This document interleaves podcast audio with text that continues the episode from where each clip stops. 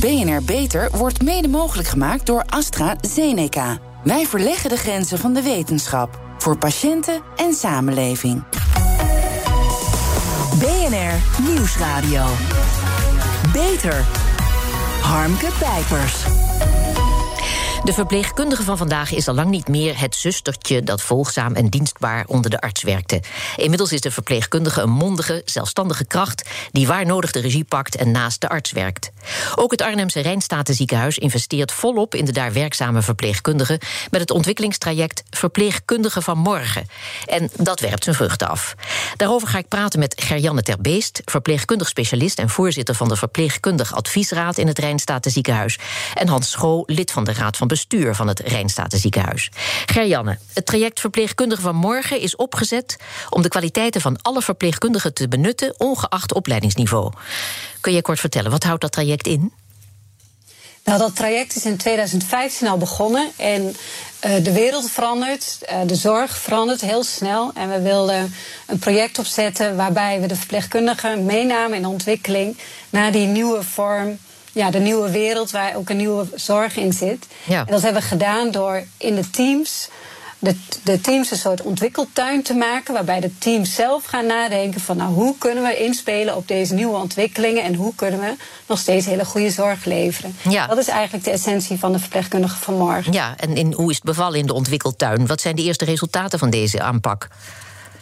Nou, we hadden wel even aanloopmoeilijkheden. Uh, dat kwam ook met, met, name door alle onrust rondom de, BIG 2, de wet BIG 2. Mm -hmm. Waarbij uh, nou, vooral werd ingezet op opleiding. En dat gaf veel onrust, want we hebben uh, verschillende opgeleide verpleegkundigen. Sommigen zijn HBO opgeleid, sommige ja. MBO. En, en niet alle luisteraars weten wat de weg BIG 2 is hoor. Dus doe dat even. Leg het eens uit. De, de wet BIG 2 dat, die, die focuste op functiedifferentiatie. En dat betekent dat, um, dat je dat werk doet waartoe je bent opgeleid. Ja. Dus een HBO-verpleegkundige heeft ander werk dan een MBO-verpleegkundige. Ja. En dat riep heel veel weerstand op. Want een IC-verpleegkundige zegt van ja, ik ben misschien in service opgeleid. Dat betekent dat je je opleiding in het ziekenhuis hebt gehad. Ja. Dat wordt als MBO gezien. Maar ik ben wel top of the line. Ik ben een heel erg goede verpleegkundige. Ja. En ik wil niet zomaar weggezet worden als een, he, een lager opgeleid iemand. Ja, ik weet nog, en... uh, herinner me nog een heleboel gedoe in de kranten. Ik werd er moe van. Het, het, ging maar heen en weer. Het was eindeloos. Hans, in, in 2016 is met dit traject gestart he, om de kwaliteiten van verpleegkundigen dus beter te benutten. Kwamen die kwaliteiten dan voordien niet goed uit de verf? Nou, ik denk dat dat heel erg te maken heeft met de socialisatie van verpleegkundigen vroeger. Mm -hmm. eh, uh, Gejanne zei al, je hebt de, de, mensen die in huis opgeleid zijn... en je hebt de mensen die hbo of mbo opgeleid ja. zijn. Um, en vroeger werd je opgeleid eigenlijk als werknemer mm. en werd je ook verpleegkundige. En nu willen we veel meer dat mensen niet alleen werknemer zijn... en gewoon netjes op hun werk komen en op tijd beginnen, et cetera... maar dat ze ook hun professionele vaardigheid meenemen...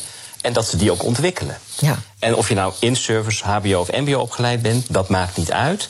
Je moet je veel meer ontwikkelen. En ik denk dat dat wel veel meer aandacht heeft gekregen in de afgelopen jaren. In ieder geval ook in Rijnstaten. Ja, er kwam dus een wetsvoorstel waarin naast het beroep van verpleegkundige, MBO-niveau een zogeheten regieverpleegkundige, HBO-niveau zou worden ingevoerd bij het uh, zorgregister. En die regieverpleegkundige die mocht dan volledig zelfstandig een zorgdiagnose stellen. Terwijl een gewone verpleegkundige die moest de standaardprocedures volgen, ook als die gewone verpleegkundige heel uh, ervaren was. Gerjanne, dat onderscheid tussen gewone verpleegkundigen en regieverpleegkundigen, dat, dat was er voor dat wetsvoorstel dus uh, niet, of nauwelijks. Toch? Nee, Nee, wij deden allemaal, ongeacht opleiding, deden we hetzelfde werk. Ja. Dus daar was geen verschil in. Maar ook in het Rijnstaten ziekenhuis, maar ook in het Rijnstaten ziekenhuis moesten regieverpleegkundigen komen. Maar dat ging, begrijp ik, helemaal niet zonder slag of stoot. Dat zei je al. Hè? Was het een, een heftig verhaal? Nou, de, de, discussie die landelijk was, die speelde natuurlijk ook in Rijnstaten. Mm -hmm. En um, daar hebben we wel naar geluisterd. En we hebben ook dat hele project Verpleegkundige Vanmorgen wel aangepast op basis van deze hele discussies hierover. Ja. Zeg, en, en was deze behoefte er ook echt vanuit de verpleegkundige of is dat allemaal van boven opgelegd? Nee, ik denk dat dit wel echt de, de behoefte is van de verpleegkundigen. We hebben nu te maken met een hele groep HBO, HBOV-opgeleide verpleegkundigen. Mhm. die ook graag in, uh, in de praktijk willen brengen wat zij op school leren. En dat is meer dan alleen die patiëntenzorg. Ja, maar wat toch... er nu gebeurt. Ja? Wat er nu gebeurt is dat die HBO-verpleegkundigen die, die net al zijn opgeleid, die gaan eerst de patiëntenzorg in en die raken we als ziekenhuis later weer kwijt. Dus er is zeker wel behoefte aan, die, aan dat verschil. Ja, maar ik begrijp dat er veel onrust was en nog steeds is onder de verpleegkundigen over de functie van regieverpleegkundigen.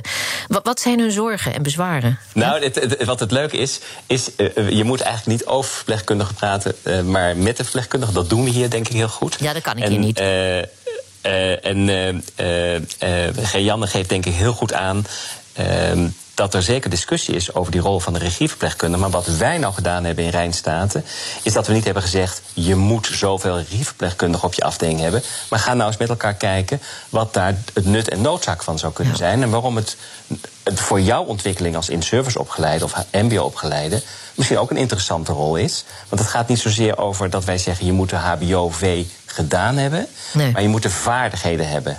En als je kunt aantonen dat je die hebt, kun je ook regieverpleegkundige. Ja, maar het hebben van een HBOV-diploma is dus geen voorwaarde hè, om te kunnen solliciteren, dat begrijp nee. ik. Maar dan hoor ik al die mensen die hard hebben gewerkt voor dat papiertje al uh, mopperen. Want wat is dat papiertje dan nog waard? Nou, ik denk, ja, ik hoor ze niet zo mopperen.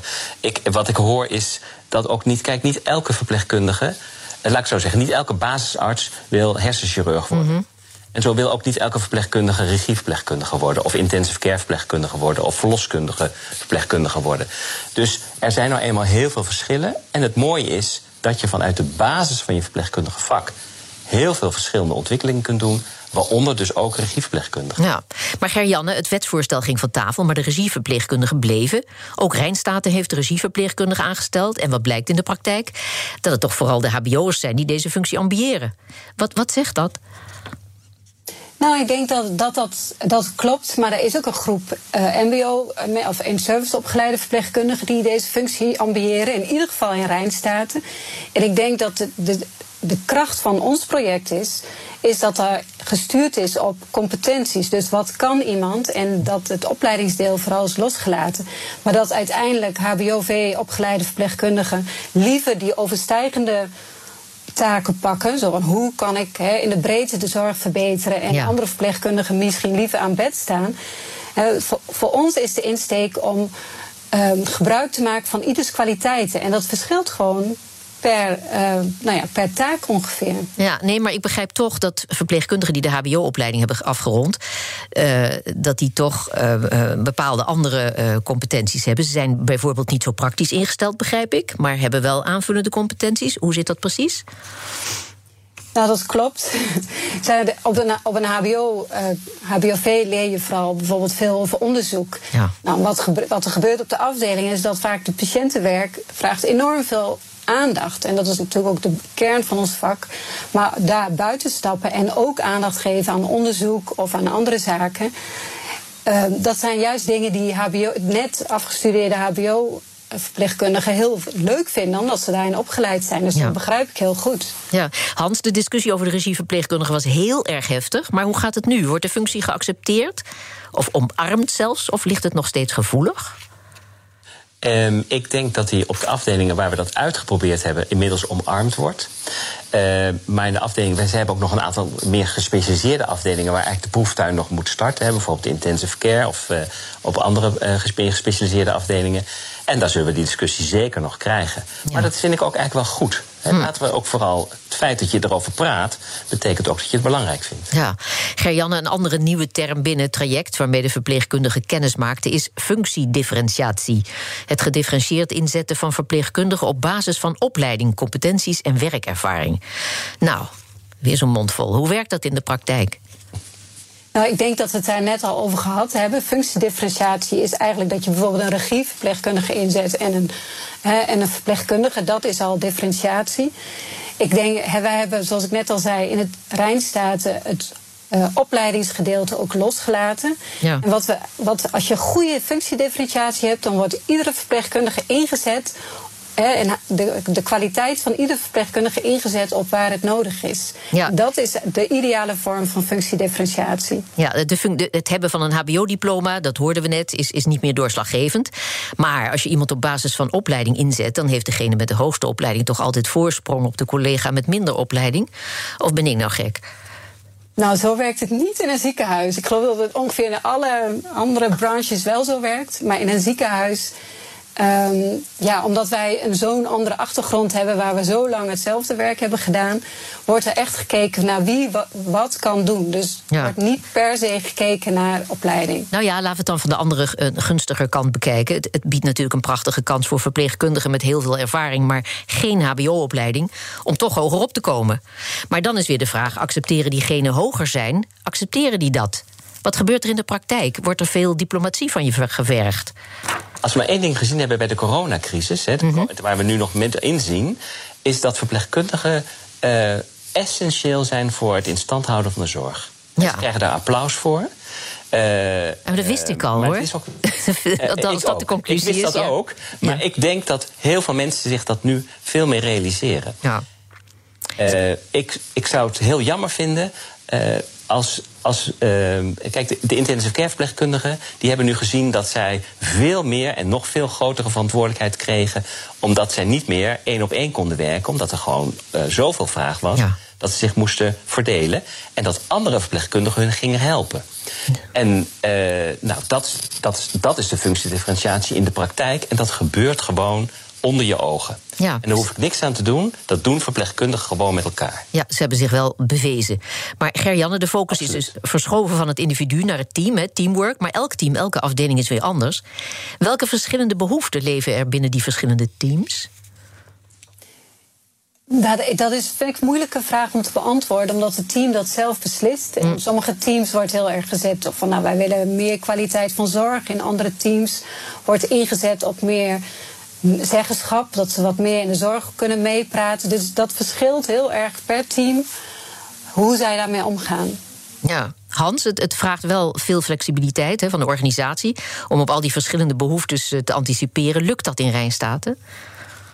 Nou, eh, zeker. Maar ik denk dat je het heel makkelijk kunt uh, uh, bespreken met verpleegkundigen. Want waar gaat die ontwikkeling over? Die gaat over enerzijds echt leren.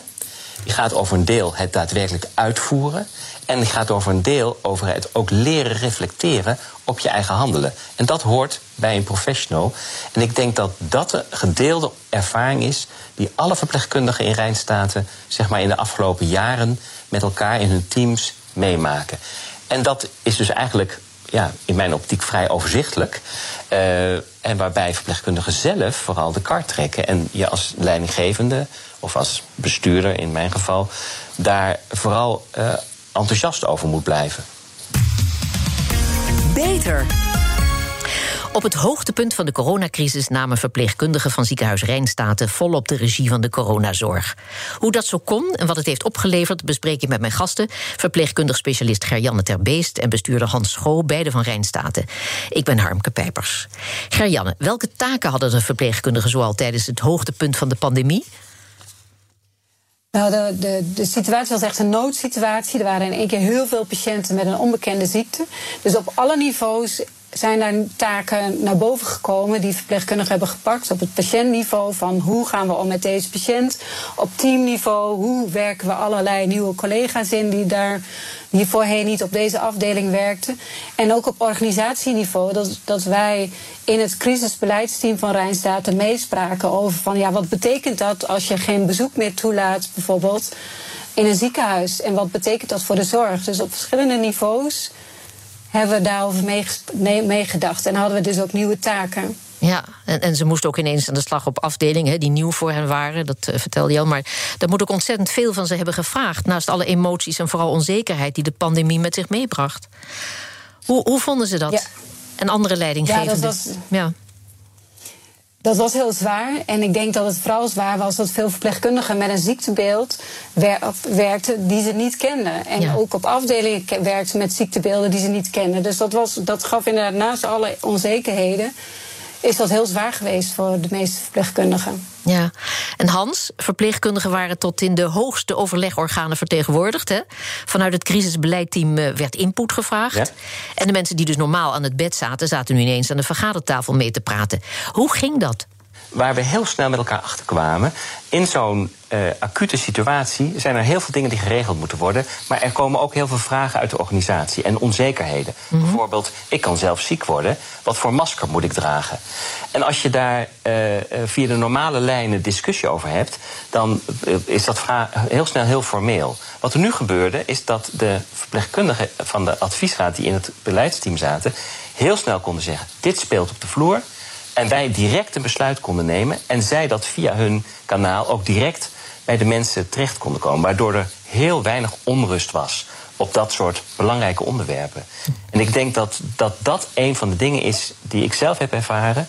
Als, uh, doordat we het echt met elkaar waren en mhm. als één groot team functioneerden op het toppunt van de crisis, was er weinig. Uh, gedoe met elkaar. Ja. En dat, uh, dat hadden we denk ik minder goed kunnen regelen... als verpleegkundigen niet in het beleidsteam hadden gezeten. Ja, want ik wou zeggen, de verpleegkundige die naast de arts werkt... in plaats van onder hem. Iemand moet toch de baas zijn. Lukt het om al die oude hiërarchische opvattingen los te laten? Nou, ik denk dat de meeste dokters heus nog ervaren... dat zij de baas zijn over hun eigen professionele handelen.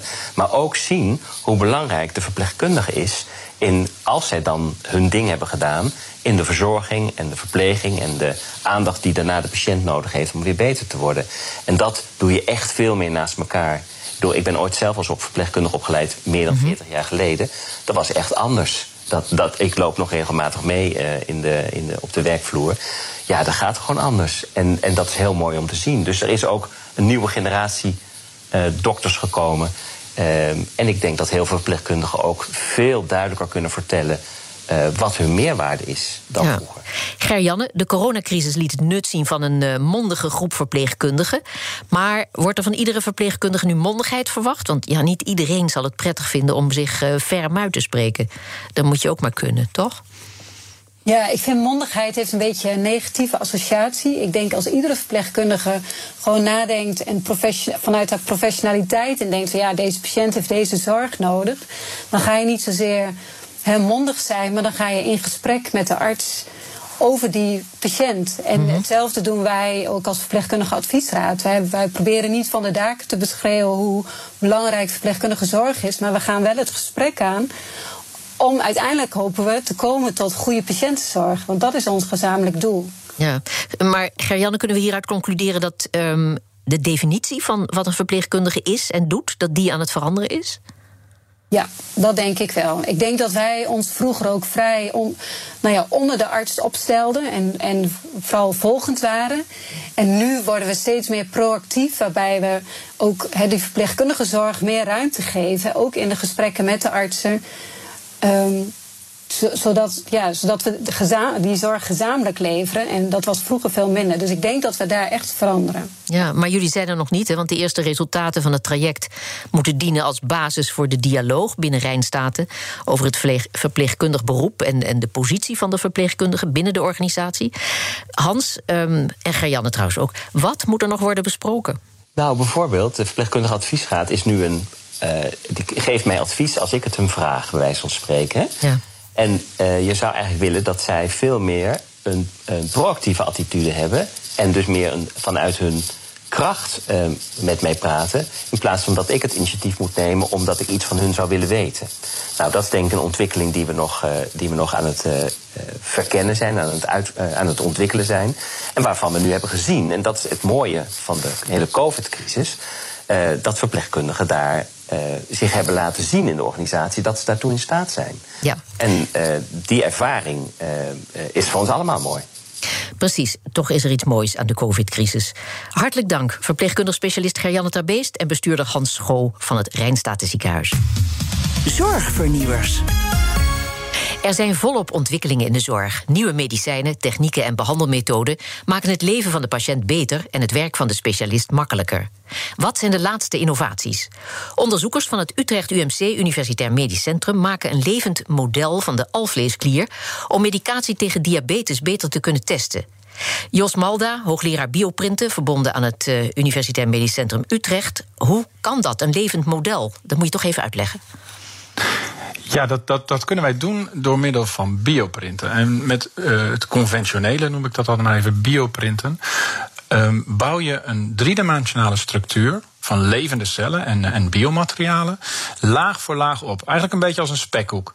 En op die manier krijg je een, een, een driedimensionaal, uh, dimensionale structuur, ja. die een deel van de complexiteit van, van een levend weefsel kan, uh, kan omvatten. Ja, en, en fantastisch. Uh, in de vorm van een spekhoek, begrijp ik. Niet in de vorm van nou, een het gaat niet in de vorm van een spekhoek. nou ja, nee, maar zoals een spekhoek, laagje voor laagje. Ja, oké. Okay. Het, het, is echt, de, de manier waarop gaat op dezelfde manier als het echte, de, de normale 3D-printen. Wij doen het alleen met een, met een andere inkt. Een inkt waar we ook levende cellen in kunnen stoppen. En op die manier, laag voor laag, bouwen we dan een hele complexe driedimensionale structuur op. Ja, ik zie het voor me, dat is gelogen hoor. Maar oké, okay. waarom wat hebben we, Wat we nu hebben ja. gedaan hebben, hebben die techniek veranderd. Want we doen dat nu niet meer laagje voor laagje, want dat is vrij complex. En dat duurt heel erg lang. En levende cellen uit het lichaam in leven houden, dat is gewoon erg lastig. Ja. En dat kunnen we nu doen door een volumetrische printtechniek. En dat houdt eigenlijk in dat we niet de inkt printen, mm -hmm. maar we nemen die inkt, die stoppen we in een vaatje. En daar projecteren we een hologram in. En, en, en dat hologram op de plekken waar dat, waar dat verschijnt, hard de inkt uit. En vervolgens halen wij dus die gehele structuur uit die, dat vaatje met inkt. En houden we dus die, die, die, die complexe structuur over. En dat kan in, een, in, in, een, ja, in, in, in binnen een minuut. En waarom hebben jullie gekozen voor de alvleesklier en niet een bekender orgaan zoals het hart bijvoorbeeld? Nou ja, de alvleesklier, we, we, richten ons op diabetes type 1. En dat is bij kinderen een van de meest aan, uh, voorkomende chronische aandoeningen. En um, aangezien daar eigenlijk geen goede modellen voor zijn. Kijk, een diermodel, de dier heeft de eilandjes van, ook de eilandjes van Langerhans, die, die, die betrokken zijn bij, uh, bij de regulatie van onze bloedsuikerspiegel. En die zijn bij dieren anders. Dus het dier is eigenlijk niet een goed voorspellend model. Dan ja. kan je natuurlijk wel donorweefsel gebruiken van patiënten, maar om dat in leven te houden is vrij moeilijk.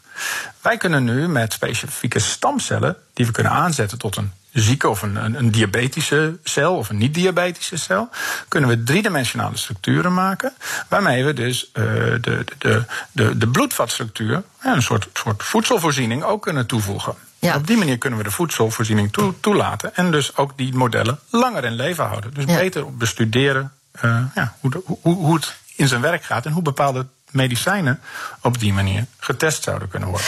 En ik begrijp dat het heel nuttig is voor individuele patiënten. Want wat hebben zij aan dat alvleeskliermodel?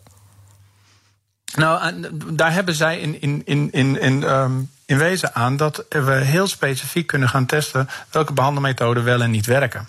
En op die manier kunnen we de slag, de vertaalslag, naar de patiënt veel sneller maken. Ja, en dat scheelt tijd en kosten en ongemak en leed. De techniek is nog volop in ontwikkeling. Hè? Wat, wordt, wat wordt de volgende stap? Ja, de volgende stap wordt dat we gaan kijken naar, naar andere functionele organen. En dat noem je zelf al even aan het begin. De alvleesklier is niet het enige. We kijken ook naar de nieren en naar het hart. Maar dat, dat zijn de volgende stappen in, in deze spannende technologie. Uh, dit is echt ons proof of concept. De, deze techniek, om met deze uh, volumetrische of holografische methode dit te kunnen printen, hebben we vorig jaar pas uitgevonden dat we dat ook daadwerkelijk met levende cellen kunnen doen. En we willen nu laten zien dat we dat kunnen combineren met die complexe structuren en zieke en niet zieke cellen om, uh, om, om behandelmethoden te evalueren. Ik vind het een fantastisch verhaal. Hartelijk dank, hoogleraar Jos Malda van het UMC Utrecht. En tot zover deze uitzending van BNR Beter. Op bnr.nl slash beter is deze uitzending terug te luisteren... of on demand via de BNR-app en Spotify. We zijn ook op Twitter te vinden onder BNR Beter. Dus heeft u tips voor ons, laat het ons weten. Ik ben Harmke Pijpers. Ik blijf nog even binnen. Graag tot een volgend spreekuur. BNR Beter wordt mede mogelijk gemaakt door AstraZeneca. Wij verleggen de grenzen van de wetenschap. Voor patiënten en samenleving.